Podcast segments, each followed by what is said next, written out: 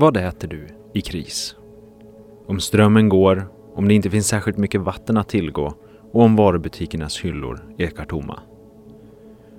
Det är en fråga som lyfts i och med årets krisberedskapsvecka och den är central för hur vi ska överleva och leva i en kris. Redan i våras publicerade vi ett avsnitt av Folk och Försvar-podden som handlade om livsmedelsförsörjningen. Då pratade vi om hur kriser i livsmedelsförsörjningen uppstår och de globala påfrestningar på livsmedelsförsörjningen som den ryska invasionen av Ukraina föranlett. Gå gärna tillbaka till det avsnittet och lyssna på det när ni lyssnar på dagens avsnitt, för det är ett bra komplement. I det här avsnittet vill vi istället ta tillfället i akt för att se hur vi som individer kan hålla oss mätta, även om en kris skulle uppstå. Mitt namn är Daniel Kjellén och jag är programansvarig för krisberedskap och totalförsvar på Folk och Försvar. Och jag kommer att leda dagens avsnitt.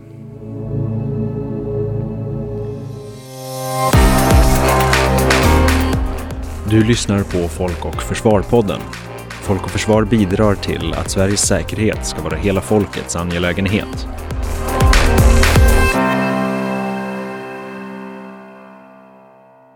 Vi börjar från början. Är mat någonting vi behöver bekymra oss för i kris? Vi ställer den frågan till Kristina Andersson som är samordningsansvarig för krisberedskapsveckan på Myndigheten för samhällsskydd och beredskap, MSB. Det är ju en rad olika kriser, tänker jag, som kan påverka vår försörjning av mat i vardagen. Eh, hela den här livsmedelskedjan är ju också så komplex. Innan maten hamnar på våra tallrikar så är det ju en mängd olika aktörer, även globalt, som är en del i den här långa kedjan. Och brister någon kedja i det här så kommer det att påverka oss och hur pass mycket och vilken typ av mat vi har tillgång till. Det kan ju räcka med att elen försvinner. Det kan räcka med att viktiga tekniska system går ner. Det kan göra att ja, transporterna inte kommer fram till din lokala livsmedelshandlare till exempel.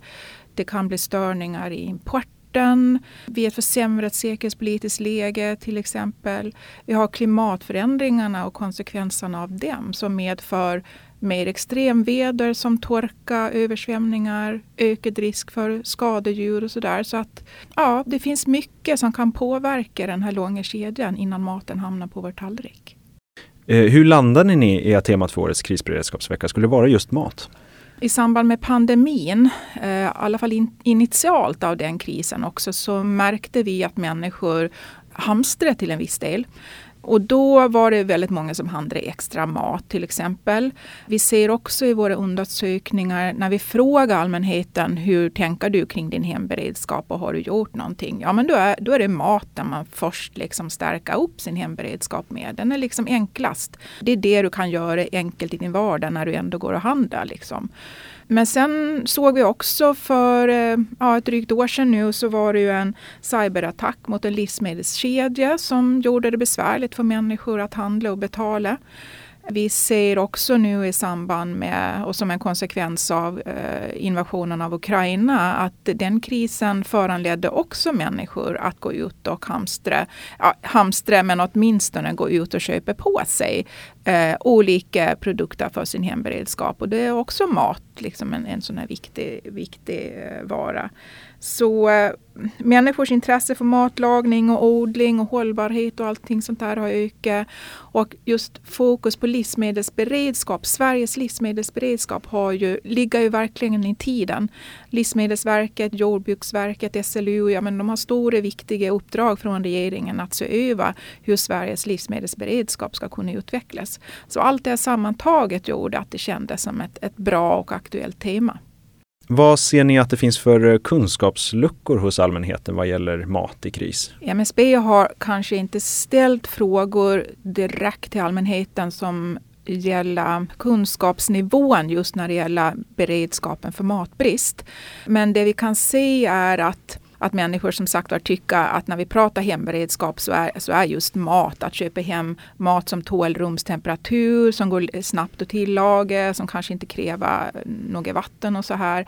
Att det är sånt man snabbt kan liksom stärka sin hemberedskap med. Jag tror att det kan vara lite så att när det gäller riskmedvetenheten egentligen skulle jag vilja använda som ett begrepp. Där, där tror jag kanske att vi behöver öka allmänhetens förståelse för hur olika kan kriser kan påverka just vår tillgång på mat. Och just det här att vi kommer inte att kunna, vid en kris där vi inte har tillgång till att kunna handla dagligen kanske i vår butik runt hörnet eller storhandla när vi är iväg någon gång i veckan och sådär. Eller hur, hur vi nu är vana vid att handla. Och hitta alla de produkterna och varorna som vi normalt är vana vid att stoppa ner i korgen. Jag tror vi har lite svårt att föreställa oss hur det är när det kanske gapar ton på hyllorna. När, eh, när det faktiskt tillgången på färska livsmedel kanske är problematisk. Eller att många importerar förvirrade livsmedel inte finns att tillgå på grund av störningar i importkedjan och sådär. Jag tror att kanske den medvetenheten att vi kommer att behöva ändra våra matvanor vid en kris som påverkar vår matförsörjning. Och då till en nivå som kanske eh, handlar om att det blir väldigt enkel mat. Just den här riskmedvetenheten inom det området tror jag kanske behöver öka hos de allra flesta av oss. Elin Rös är universitetslektor och forskar på hållbara livsmedelssystem på Sveriges lantbruksuniversitet i Uppsala. Vi tog ett samtal över länk med Elin för att fråga henne om hur väl svensk livsmedelsproduktion fungerar i krislägen. Först så måste man säga att det är en jättestor fråga för att dels så beror det ju väldigt mycket på vilka kriser det rör sig om. Det finns ju en rad eh, olika typer av kriser som kan påverka på olika sätt. Alltifrån extrema väderhändelser till olika geopolitiska eh, krislägen som kan påverka vår handel och så. Så det är väldigt svårt att svara på den frågan tror jag rent generellt. Men det, man, det vi vet är ju att eh, eh svensk livsmedelsproduktion är, eller primärproduktionen, jordbruket är ju beroende av vissa insatsvaror som vi importerar idag. Som till exempel konstgödsel som vi inte har någon egen produktion på alls utan det är vi beroende av att eh, vi kan importera. Även bränslen som vi använder, fossila bränslen idag i jordbruket importerar vi också. Sen är det en rad andra, eh, ja, både ingredienser och bekämpningsmedel, fröer eh, och så vidare som vi också importerar. Då. Så att beroende på vilken kris det är då, hur den slår mot de här leveranskedjorna så, ja, så kan vi kan vi vara rätt så känsliga då. Men eh, man eh, ska ju också skilja på livsmedelsproduktionen i Sverige, huruvida den kan fortsätta och vår livsmedelsförsörjning. Och det beror ju också sen då på vilken kris det är, om det är en avspärrningssituation eller om vi till exempel som vi hade en torka i, i Sverige här 2018 ju, där skördarna sjönk ganska dramatiskt. Det märktes till viss del på lite högre livsmedelspriser men det var inte så stor skillnad på, eller någon skillnad egentligen för den gemene konsument som gick och handlade. Förutom att det blev lite högre priser då. Men, och det beror ju på att vi har eh, ett livsmedelssystem som är uppbyggt kring handel. Så att eh, har vi inte en viss råvara i Sverige så, så importerar vi det och vissa varor importerar vi ju hela tiden och då drabbas ju inte det av att vi har en torka i Sverige. Så här ser ju hela livsmedelssystemet ut i västvärlden, att vi handlar med varandra. Och det är ju också ett sätt att säkerställa att vi kan ha livsmedel även om det blir då kriser lokalt. Så det är också en typ av resiliens att vi kan handla med varandra. Då. Sen är det ju inte förstås bra att vara alltför beroende av enskilda länder eller leverantörer. Eftersom då om det blir en geopolitisk kris där så, så kan det bli så att vi inte får tag på de här insatsvarorna. Då. Så det, det kan ju absolut också vara, vara bra att minska beroendet.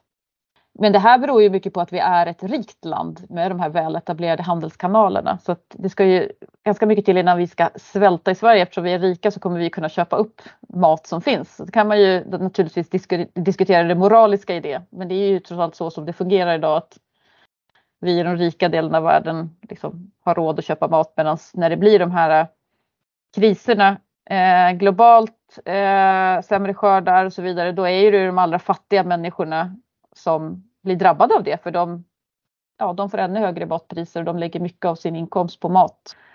Så det, det, är ju ett stort hållbarhetsproblem när det gäller livsmedelsförsörjningen globalt att de här kriserna alltid slår mot de fattiga som redan har det svårt. Medan vi kommer ganska lindrigt undan ofta.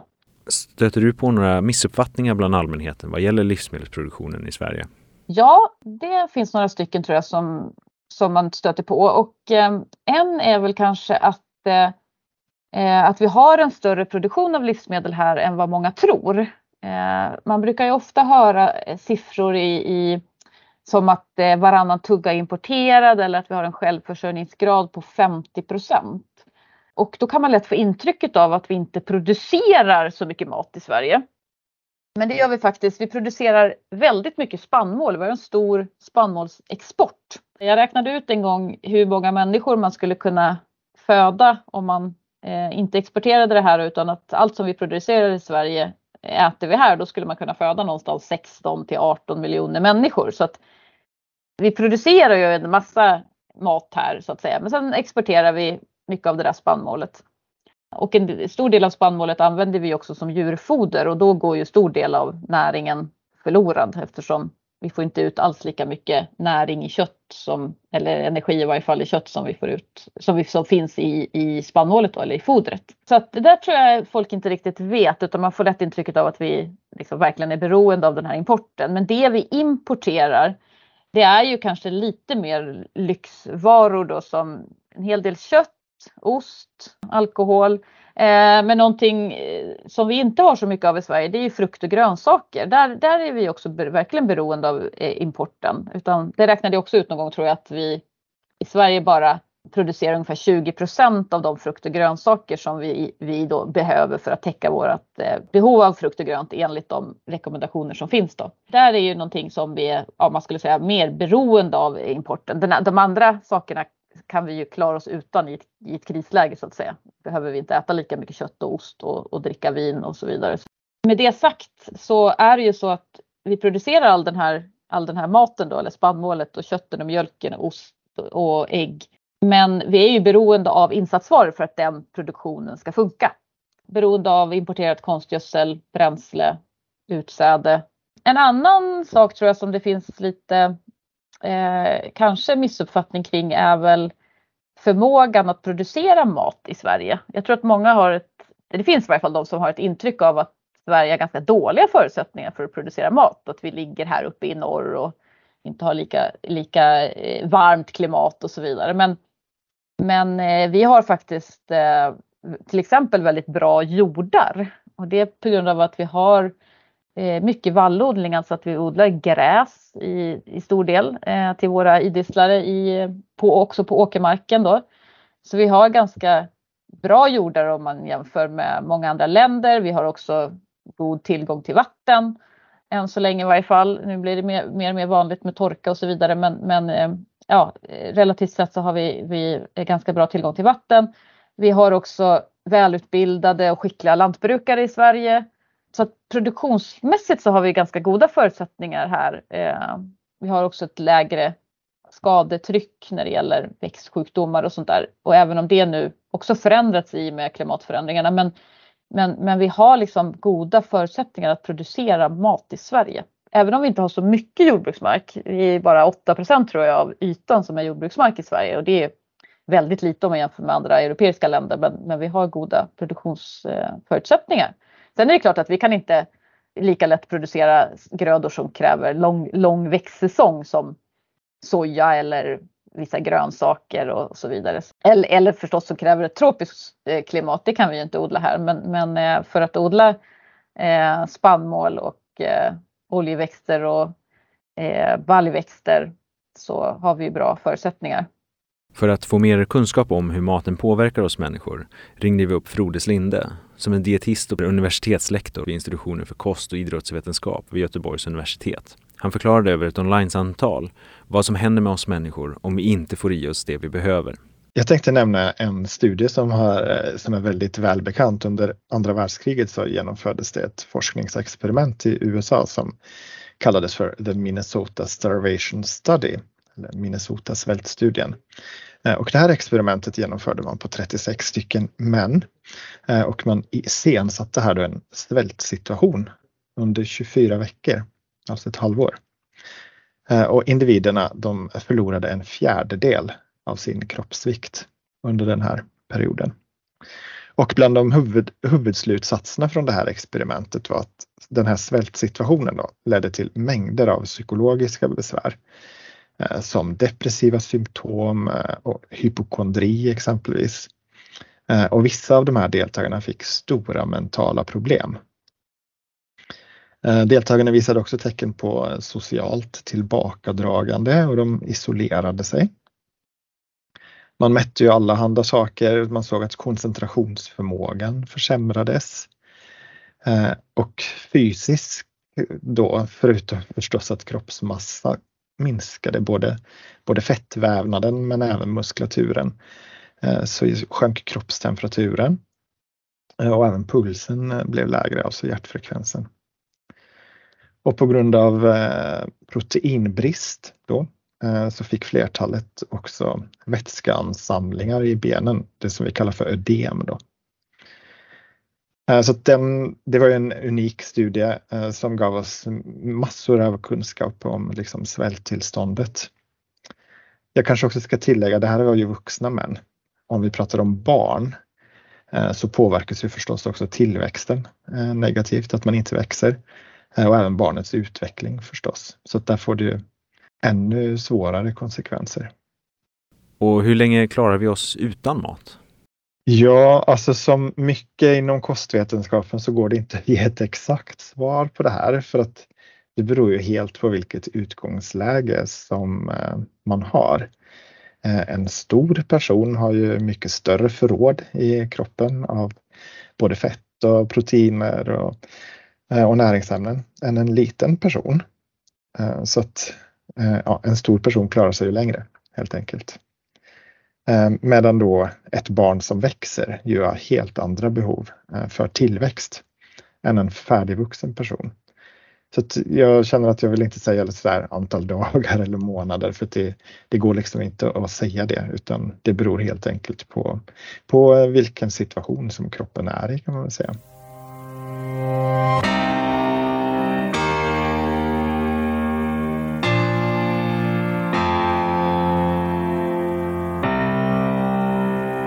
Maten är helt central för vår överlevnad och också för vårt välbefinnande i såväl vardagen som i krissituationer.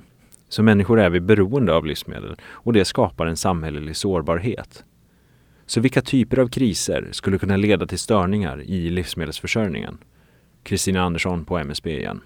Vi ser ju egentligen redan nu i och med eh, kriget i Ukraina att det har påverkat importen av, av eh, vissa eh, varor och också gjort att vissa varor har blivit väldigt dyra. Och klimat, konsekvenserna av klimatförändringarna är väl kanske det mest som jag ser det, ett övergripande hot som redan påverkar oss just när det gäller det här med extremväder som slår ut skördar och skadar insekter och så. Vi, har, vi påverkas redan av allt det här. Vi påverkas av ett osäkert säkerhetspolitiskt läge. Vi påverkas av klimatförändringarna redan.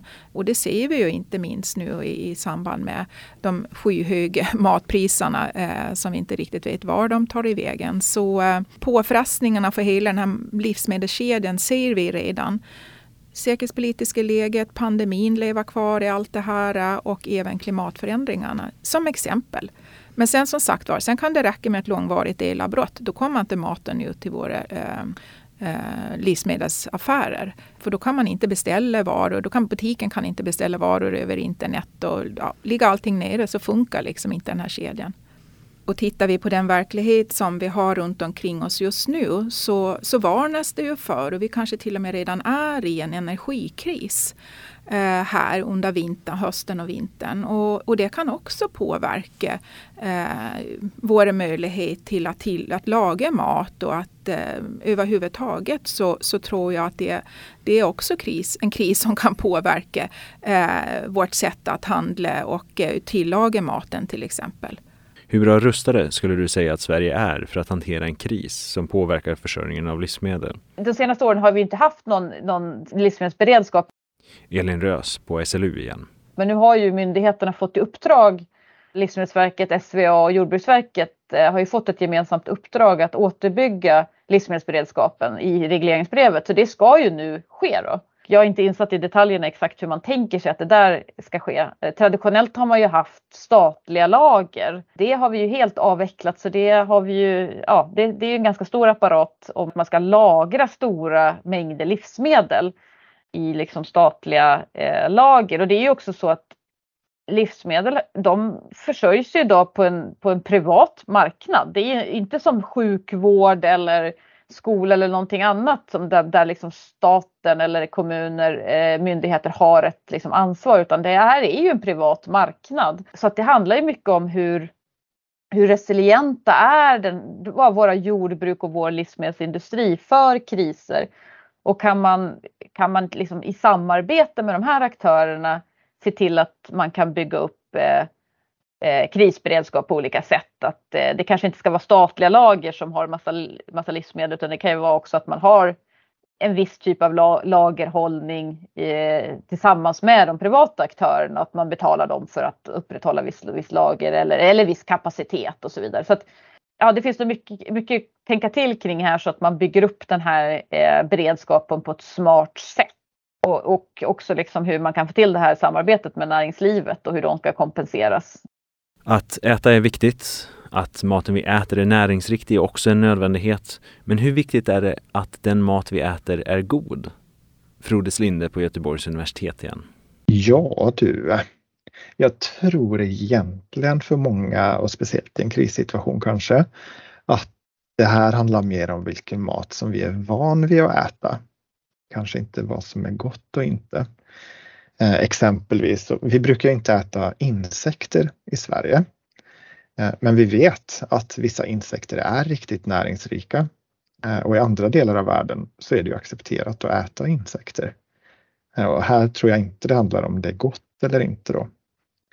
Andra exempel är ju hund. Eh, det anser vi ju inte är människoföda i Sverige. Eh, men i andra delar av världen är det inte ovanligt att man äter hundkött. Så att om det skulle uppstå en situation som gör att det enda som finns är insekter så kanske vi hade ändå använt det som föda. Vi kan ta ett annat exempel som kaffe då. Kaffe är ju liksom inget nödvändigt livsmedel rent näringsmässigt. Sen finns det ju många som tycker att det ändå är nödvändigt för andra faktorer. Eh, men exempelvis under andra världskriget när kaffe inte var tillgängligt eller ransonerat så finns det ju väldigt många olika typer av kaffesurrogat som eh, människan hittade på. Ett exempel är ju cikoriarot eh, som man använde som kaffesurrogat under eh, andra världskriget. Så att maten fyller ju många fler funktioner i ett samhälle än liksom bara att tillföra näring om man säger. Hur kan man som privatperson försäkra sig om att man äter rätt i en kris? Jag skulle ställa, kunna ställa en motfråga då. Hur försäkrar man sig som privatperson att man äter rätt när det inte är kris. För det finns ju jättemånga sätt att äta rätt. Det finns ju liksom inte ett sätt eller eh, så, utan jag som dietist tänker förstås i första hand på att man ska täcka sitt näringsbehov och inte vare sig äta för lite eller för mycket av några av våra näringsämnen. Och det finns hur många sätt man kan göra det på. Jag kan inte svara så mycket annat än det på den frågan. Men om vi eh, vänder lite grann på det, vad, vad, skulle vi behöva om det blir en kris och, vi har begränsat med möjligheter att få tag på mat, vad, vad skulle man behöva prioritera? Vad, vad, måste vi få i oss för att kunna överleva? Ja, men vätska är ju prioritet ett. Eh, utan vätska så klarar vi oss inte speciellt många veckor det är ju mycket vätska i de flesta livsmedel. Alltså den flesta maten består ju till stor del av vatten. Så att en del vätska får vi ju i oss genom maten. Eh, men jag skulle säga tillgång till vatten som är drickbart då, det vill säga att det är rent och säkert och tryggt. Eh, det är A och O. På andra plats så skulle jag säga att energi är viktigt, alltså kalorier. Får vi inte i oss tillräckligt med energi Eh, så använder ju då kroppen våra förråd, det vill säga våra fettlager och våra muskler. Precis som i den här Minnesota Starvation Study som jag pratade om innan. Om man då går vidare och tänker eh, näringsämnen som vitaminer och mineraler exempelvis, så har ju kroppen förråd av de flesta av de här eh, ämnena. Vissa av vitaminerna klarar vi oss utan i flera månader. Så det tycker jag faktiskt inte man behöver oroa sig över, utan vätska och kalorier skulle jag säga är det viktigaste. I kris handlar det inte enbart om vad man ska äta. Det handlar också om hur länge man ska klara sig själv. Vi bad Kristina Andersson reda ut vilket ansvar man har som individ. Det är ju tydligt från Sveriges riksdag att alla som har möjlighet i Sverige behöver ha en egen beredskap för en vecka åtminstone. Eh, och det innebär att eh, när det gäller mat till exempel då, ja men då behöver vi ha mat, extra mat hemma. Eh, åtminstone för en vecka där du alltså inte ska behöva gå ut och handla. Utan du ska klara dig på det extra förrådet du har hemma. Eh, och också utifrån en situation där vi kanske inte har någon el. Eh, alltså där du inte kan använda din spis och kanske också till och med att det inte kommer något vatten ur kranen.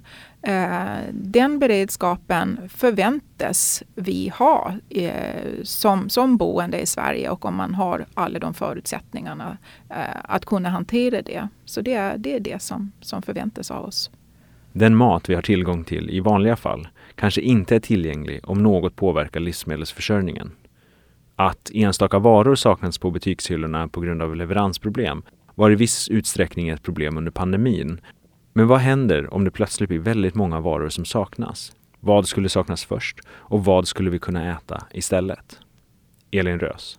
Som jag tänker är ju att den mat som skulle saknas först i butikerna, det är ju det som människor bunkrar.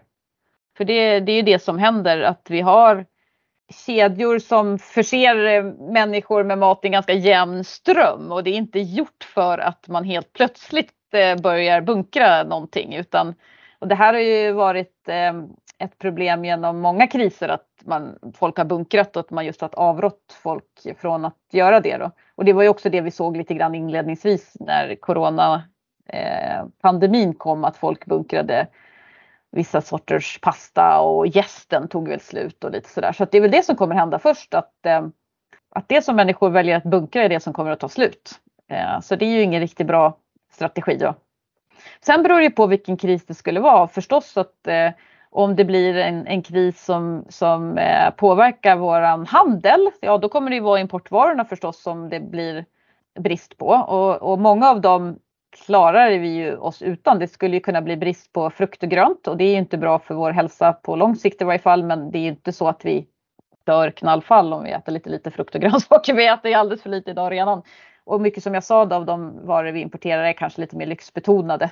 Skulle vi få en lokal kris här i Sverige som till exempel torkan 2018, vi får brist på, på foder, behöver kanske importera foder eller, eller, eller andra grödor då. Så återigen, eftersom vi har den här handeln så skulle det vara så att till exempel vi får ett, ett stort utbrott av någon sjukdom i till exempel svensk gris till exempel, då skulle vi kunna köpa gris från övriga Europa. Så länge de här handelskedjorna funkar så kanske kan bli lite dyrare. Vi kanske inte får svensk gris, vi kanske får dansk gris, men, men eh, det behöver inte påverka själva livsmedelsförsörjningen så mycket även om det förstås kan påverka enskilda producenter väldigt hårt och slå väldigt hårt mot produktionen i Sverige. Men det är klart att eh, man skulle föreställa sig till exempel att det skulle bli krig i Spanien som är ett land som vi importerar mycket av frukt och grönt ifrån. Och de av någon anledning då inte, inte skulle kunna exportera lika mycket. Ja, då måste vi hitta nya handelspartner och det kan ju då, då kan det ju naturligtvis absolut bli brist på frukt och grönsaker vi importerar från Spanien till exempel. Då. Hur kan man kombinera en välfungerande krisberedskap med en hållbar livsmedelsproduktion? Ja, här finns det många lösningar som kan göra att man både kan ha en högre krisberedskap och bidra till att en mer hållbar livsmedelsproduktion. Och då, en sån här sak är ju att vi importerar idag mycket konstgödsel. Och eh, där finns det en massa resurser av näring i Sverige och i samhället idag som vi skulle kunna använda och på så sätt minska behovet av konstgödsel. Till exempel då så har vi ju all näring, all kväve som finns i det mänskliga avfallet som vi ju idag spolar ut i våra toaletter och sen hamnar det i reningsverken där vi då renar bort en del kväve som vi då återgår som kvävgas till luften. Eh, men en hel del sköljer vi ut igen då i haven där de orsakar eh, övergödning. Men om vi skulle kunna använda vårt mänskliga avfall att gödsla med istället, speciellt urin är ju både rent och innehåller mycket kväve. Så då minskar vi ju dels behovet av konstgödsel. Eh, vi har en inhemsk kvävekälla eh, och vi kan också minska då vissa miljöproblem. Så det här är ju liksom en sån där lösning där det verkligen går som hand i hand. Också generellt när det gäller att hushålla mer med resurser är ju bra för både krisberedskapen och livsmedelsproduktionen att se till att man har en effektiv produktion där man använder så, så lite energi, gödsel, bekämpningsmedel som möjligt. Då beror ju det en hel del på hur man utformar sina odlingssystem. För eh, om man varierar grödorna på åkern och inte odlar spannmål till exempel år efter år utan man blandar in baljväxter som ärtor och bönor som kan själv, själva fixera sitt kväve som är såna så kallade baljväxter då som kan ta upp kväve direkt från luften med hjälp av bakterier då. Om man blandar in också andra grödor i växtföljden som till exempel vall, alltså klöver och gräs så kan man designa odlingssystem som in, där man inte behöver tillföra lika mycket konstgödsel och där man också inte behöver ha lika mycket bekämpningsmedel för att den här variationen av grödor och olika år gör att växtsjukdomar inte får lika lätt att föröka sig så att säga. Man liksom har de här som man kallar för avbrottsgrödor då så att eh, om det är då en sjukdom som går på vete så om man inte har vete nästa år då, då minskar den sjukdomsförekomsten och sånt där. Så att man kan designa mer diversifierade smarta odlingssystem som gör att man minskar då beroendet av de här externa eh, insatsmedlen som, som vi behöver köpa. Vi borde liksom maximera den här potentialen att, att, att minska på insatsvarorna och sen också se till att få till sådana här smarta system som till exempel att, att eh, ja, nyttja urinen. Vi kan ju också se till att vi samlar in ännu mer matavfall som vi kan göra biogas av. Då får vi både energi och vi kan eh, då ha den här rötresten som är liksom det som blir kvar när man gör biogas. Det är också ett väldigt bra gödselmedel. Så att det finns liksom många av de här smarta lösningarna för en mer hållbar livsmedelsproduktion som också gör att det bidrar till en krisberedskap. Och också produktion av biobränslen, hållbara biobränslen eh, lokalt så att vi inte är beroende av diesel till exempel. Det är också både en sån här hållbarhetsfråga och en krisberedskapsfråga. Sen också när det handlar om hur vi äter för att eh, vi vet ju att en kost med mycket animaliska produkter, alltså kött och mjölk och ägg är ju betydligt mer resurskrävande att producera eh, än om vi då skulle äta Eh, det som djuren äter direkt, alltså spannmål och baljväxter och oljeväxter. Då kan vi föda många fler på samma mängd grödor så att säga än om vi då utfodrar djur. Så kan vi också ställa om vår kost till en som är mindre resurskrävande med mindre animalier så är det också ett sätt att, att vara mer förberedd för om det nu skulle bli olika typer av kriser. Så det är mycket som går hand i hand där. Inte allting, men, men, men mycket kan göra det och det är ju det varje fall jag hoppas nu när man bygger upp en krisberedskap att man också tänker att det kan vara en del i en liksom övergång till ett mer hållbart system så man verkligen kombinerar dem. För i det här hållbarhetsbegreppet så kan man ju också säga att, att det här resiliensbegreppet inkluderas, alltså att, att, att systemen som vi bygger upp inte bara ska ha låg miljöpåverkan utan även kunna ja, finnas där i händelse av olika chocker, att de ska vara resilienta och kunna stå emot olika förändringar. Det kan vara både väderförändringar eller förändringar i tillgång på insatsvaror eller priser på olika produkter och sådär. Ja, det hänger verkligen ihop. Är ökad självförsörjning i Sverige en lösning på problematiken med livsmedelsförsörjning i kris? Ja, först kanske man ska så prata om vad man menar med självförsörjning. För att eh, är det att upprätthålla försörjning av livsmedel så som vår konsumtion ser ut idag.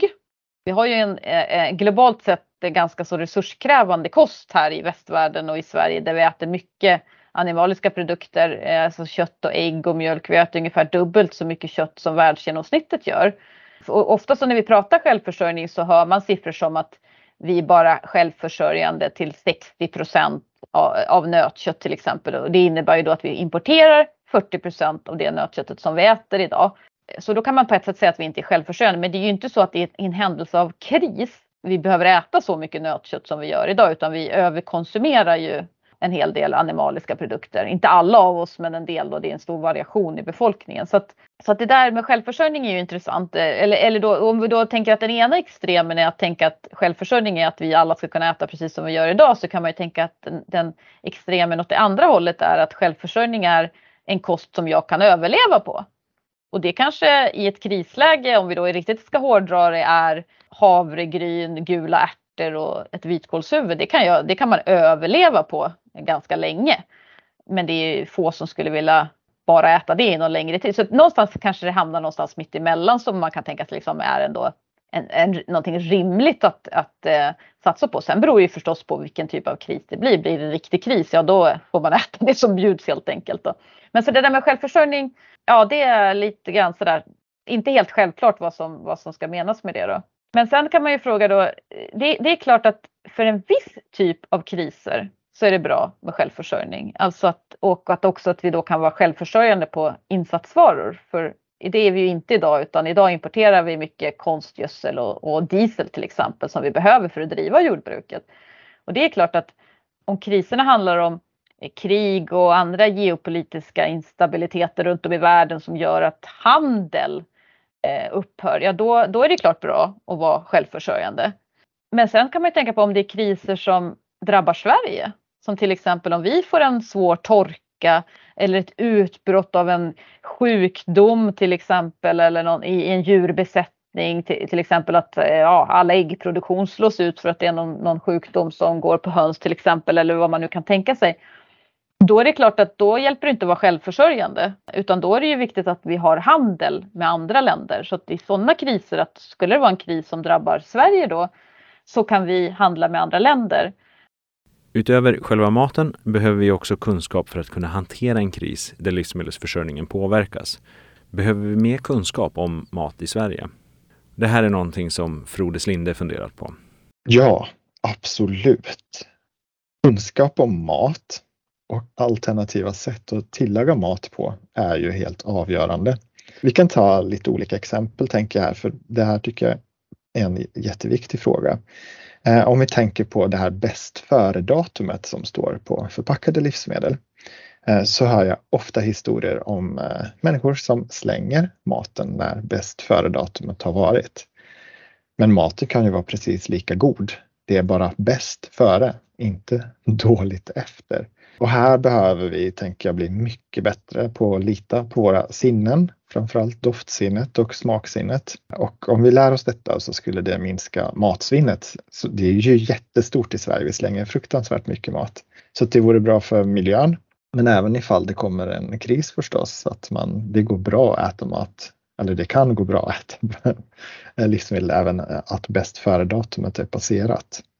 Eh, jag tänker också att matlagningskunskapen Eh, kan bli bättre. För några år sedan kommer jag ihåg att jag skojade och sa att snart står det nog på potatisförpackningen hur potatis ska kokas. Och nu är vi faktiskt där. Det gör det nu. Så att här eh, ja, tänker jag att vi, vi, vi har en lång väg att gå. Men även kunskapen om hur lagar du mat hemma om spisen inte fungerar kan vara värdefull. Så att man inte behöver lära sig det här om det nu skulle uppstå en krissituation för då finns det massa andra saker som man behöver fokusera på. Sen kanske vi också kan bli bättre på att ta vara på matlagningsmetoder som kanske farmor och mormor gjorde. Jag tänker på konservering och olika typer av inläggningar, vilket leder till att maten ju faktiskt inte behöver förvaras i exempelvis en frys, utan man kan förvara det utan tillgång till elektricitet. Då. Eh, jag tänker också att kunskap om vad, vad i naturen som går att äta eh, kan vara värdefull. Eh, jag kommer ihåg för några år sedan var det eh, jättehypat med ramslök. Eh, och då var på en konferens och då var det några forskare från Köpenhamn som berättade att de hade fått flera exempel av en ny typ av förgiftning på sjukhusen där. För i Köpenhamn så växer det tydligen ramslök på kyrkogårdarna. Men ramslök är också väldigt likt liljekonvalj. Och liljekonvalj ska man inte äta för det det är inte bra för kroppen. Och då var det människor som hade gått runt då i Köpenhamn och plockat det de trodde var ramslök, men sen var det liljekonval. Eh, så det är bara ett exempel på att det, det kan vara bra att läsa på eh, och liksom vara intresserad i vad som eh, växer runt oss. Och här tänker jag att just hem och konsumentkunskapsämnet i skolan fyller en jätteviktig roll. Trots att det är skolans minsta ämne, märkligt nog kanske. Sen skulle vi också behöva väldigt mycket mer resurser till kostvetenskaplig forskning i Sverige. Det finns så många frågeställningar som inte besvarar den. Mycket som vi inte känner till. Eh, så att det, på många nivåer tänker jag att eh, det, vi behöver absolut mera kunskap om mat. Att eh, sprida kunskap är också något som krisberedskapsveckan tar fasta på. Vad hoppas Kristina Andersson att allmänheten tar med sig från årets krisberedskapsvecka?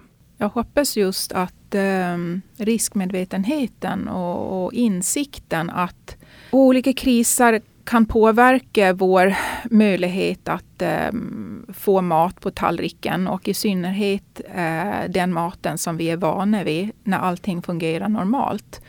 Eh, och att människor också har fått en insikt om att eh, maten som vi äter dagligen under en pågående kris, den kan bli väldigt enkel. Att vi behöver ändra våra matvanor ganska rejält. Den insikten, det är en sorts mental beredskap som jag hoppas att människor får med sig.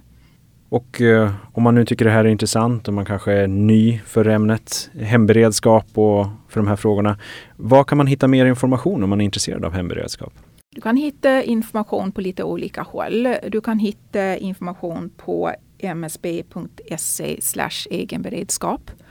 Men du kan även gå in på Livsmedelsverkets webbplats. De har också mycket bra information i det här. Och då är det livsmedelsverket.se matförråd. Matförråd alltså. Så då, där kan man också hitta mycket matnyttigt. Innan vi avslutade intervjuerna med Kristina, Elin och Frode bad vi dem svara på en fråga till. Hur skulle du hålla modet uppe om det var kris och det inte gick att äta vad som helst till middag? Jag tänker att i ett normalläge så är ju matlagning och att äta tillsammans, det är en otroligt viktig social grej för oss människor. Alltså vi samlas runt mat. Vi tycker många av oss tycker det är kul att prata mat och eh, ja, men just den här sociala biten, att det kanske är än viktigare under en kris. Att vi behöver liksom ta stöd eh, och styrka av varandra och då är just matlagning, hur enkel den än är, så är den ett bra sätt att samlas kring och, eh, och också ge varandra uppmuntran, samverka, stödja varandra och eh, just matlagning och att äta tillsammans, det, det skulle jag använda mig av så mycket det bara gick. För mig är musik jätteviktigt. Eh, och jag tänker om det inte går att spela musik så kan man ju alltid sjunga själv. Eh, men jag tänker även måltidsmiljön kan ju vara med att öka trivseln. Blommor eller andra saker från naturen som man kan plocka in som jag tänker kan höja stämningen vid middagsbordet måltiden och upplevelsen av måltiden är ju väldigt mycket mer än eh, enbart livsmedlet man använder. Det handlar om tillagningssättet, det handlar om måltidsmiljön, vem man äter tillsammans med, vad man pratar om, om man har musik eller inte. Alltså, miljön är jätteviktig. Det ser man också i den forskningen som jag har fokuserat på kring undernäring. Att visst, det är viktigt vad som ligger på tallriken, men det som händer runt omkring är också väldigt viktigt för att få en, en, bra, en bra måltidsupplevelse helt enkelt. Jag personligen är ganska okräsen. Jag, eh, är det ingen hemma som behöver att eh, lagas någon mat så äter jag alltid typ havregrynsgröt för jag orkar inte göra någonting annat. Så jag, för mig personligen skulle tror jag inte kanske vara ett sånt stort slag. Men jag tänker att, att man kanske ska reflektera lite kring det här och de stora orättvisor som finns i världen när det gäller, och även inom Sverige men kanske framförallt i världen när det gäller liksom den här lyxen att kan, faktiskt kunna handla vad vi vill och äta vad vi vill. Det är ju på ett sätt helt fantastiskt att man kan gå in i en livsmedelsbutik och hitta allt den här, det här överflödet av mat och produkter eh, från hela jorden när som helst på året. Och det är ju en lyx som, ja, som, är, som är absolut inte alla förunnat utan det är ju vi i den rika delen av världen. Många människor äter ju typ samma mat varje dag och ganska ensidigt. Det kanske är en lyx som vi eh, inte kan eh, garantera eller, eller liksom ta för givet att det alltid ska vara så här att det är det som är normalläget. Eh, nu när vi går in i, i tider av eh, olika typer av eh, krig och klimatförändringar och så vidare. Utan, eh, och vi får kanske tänka att vi, vi kan nog leva ett gott liv ändå. Även om vi inte kan äta precis det vi vill eh, varje dag så tror jag att eh, man kan finna, finna glädje i den mat som finns och i andra saker också.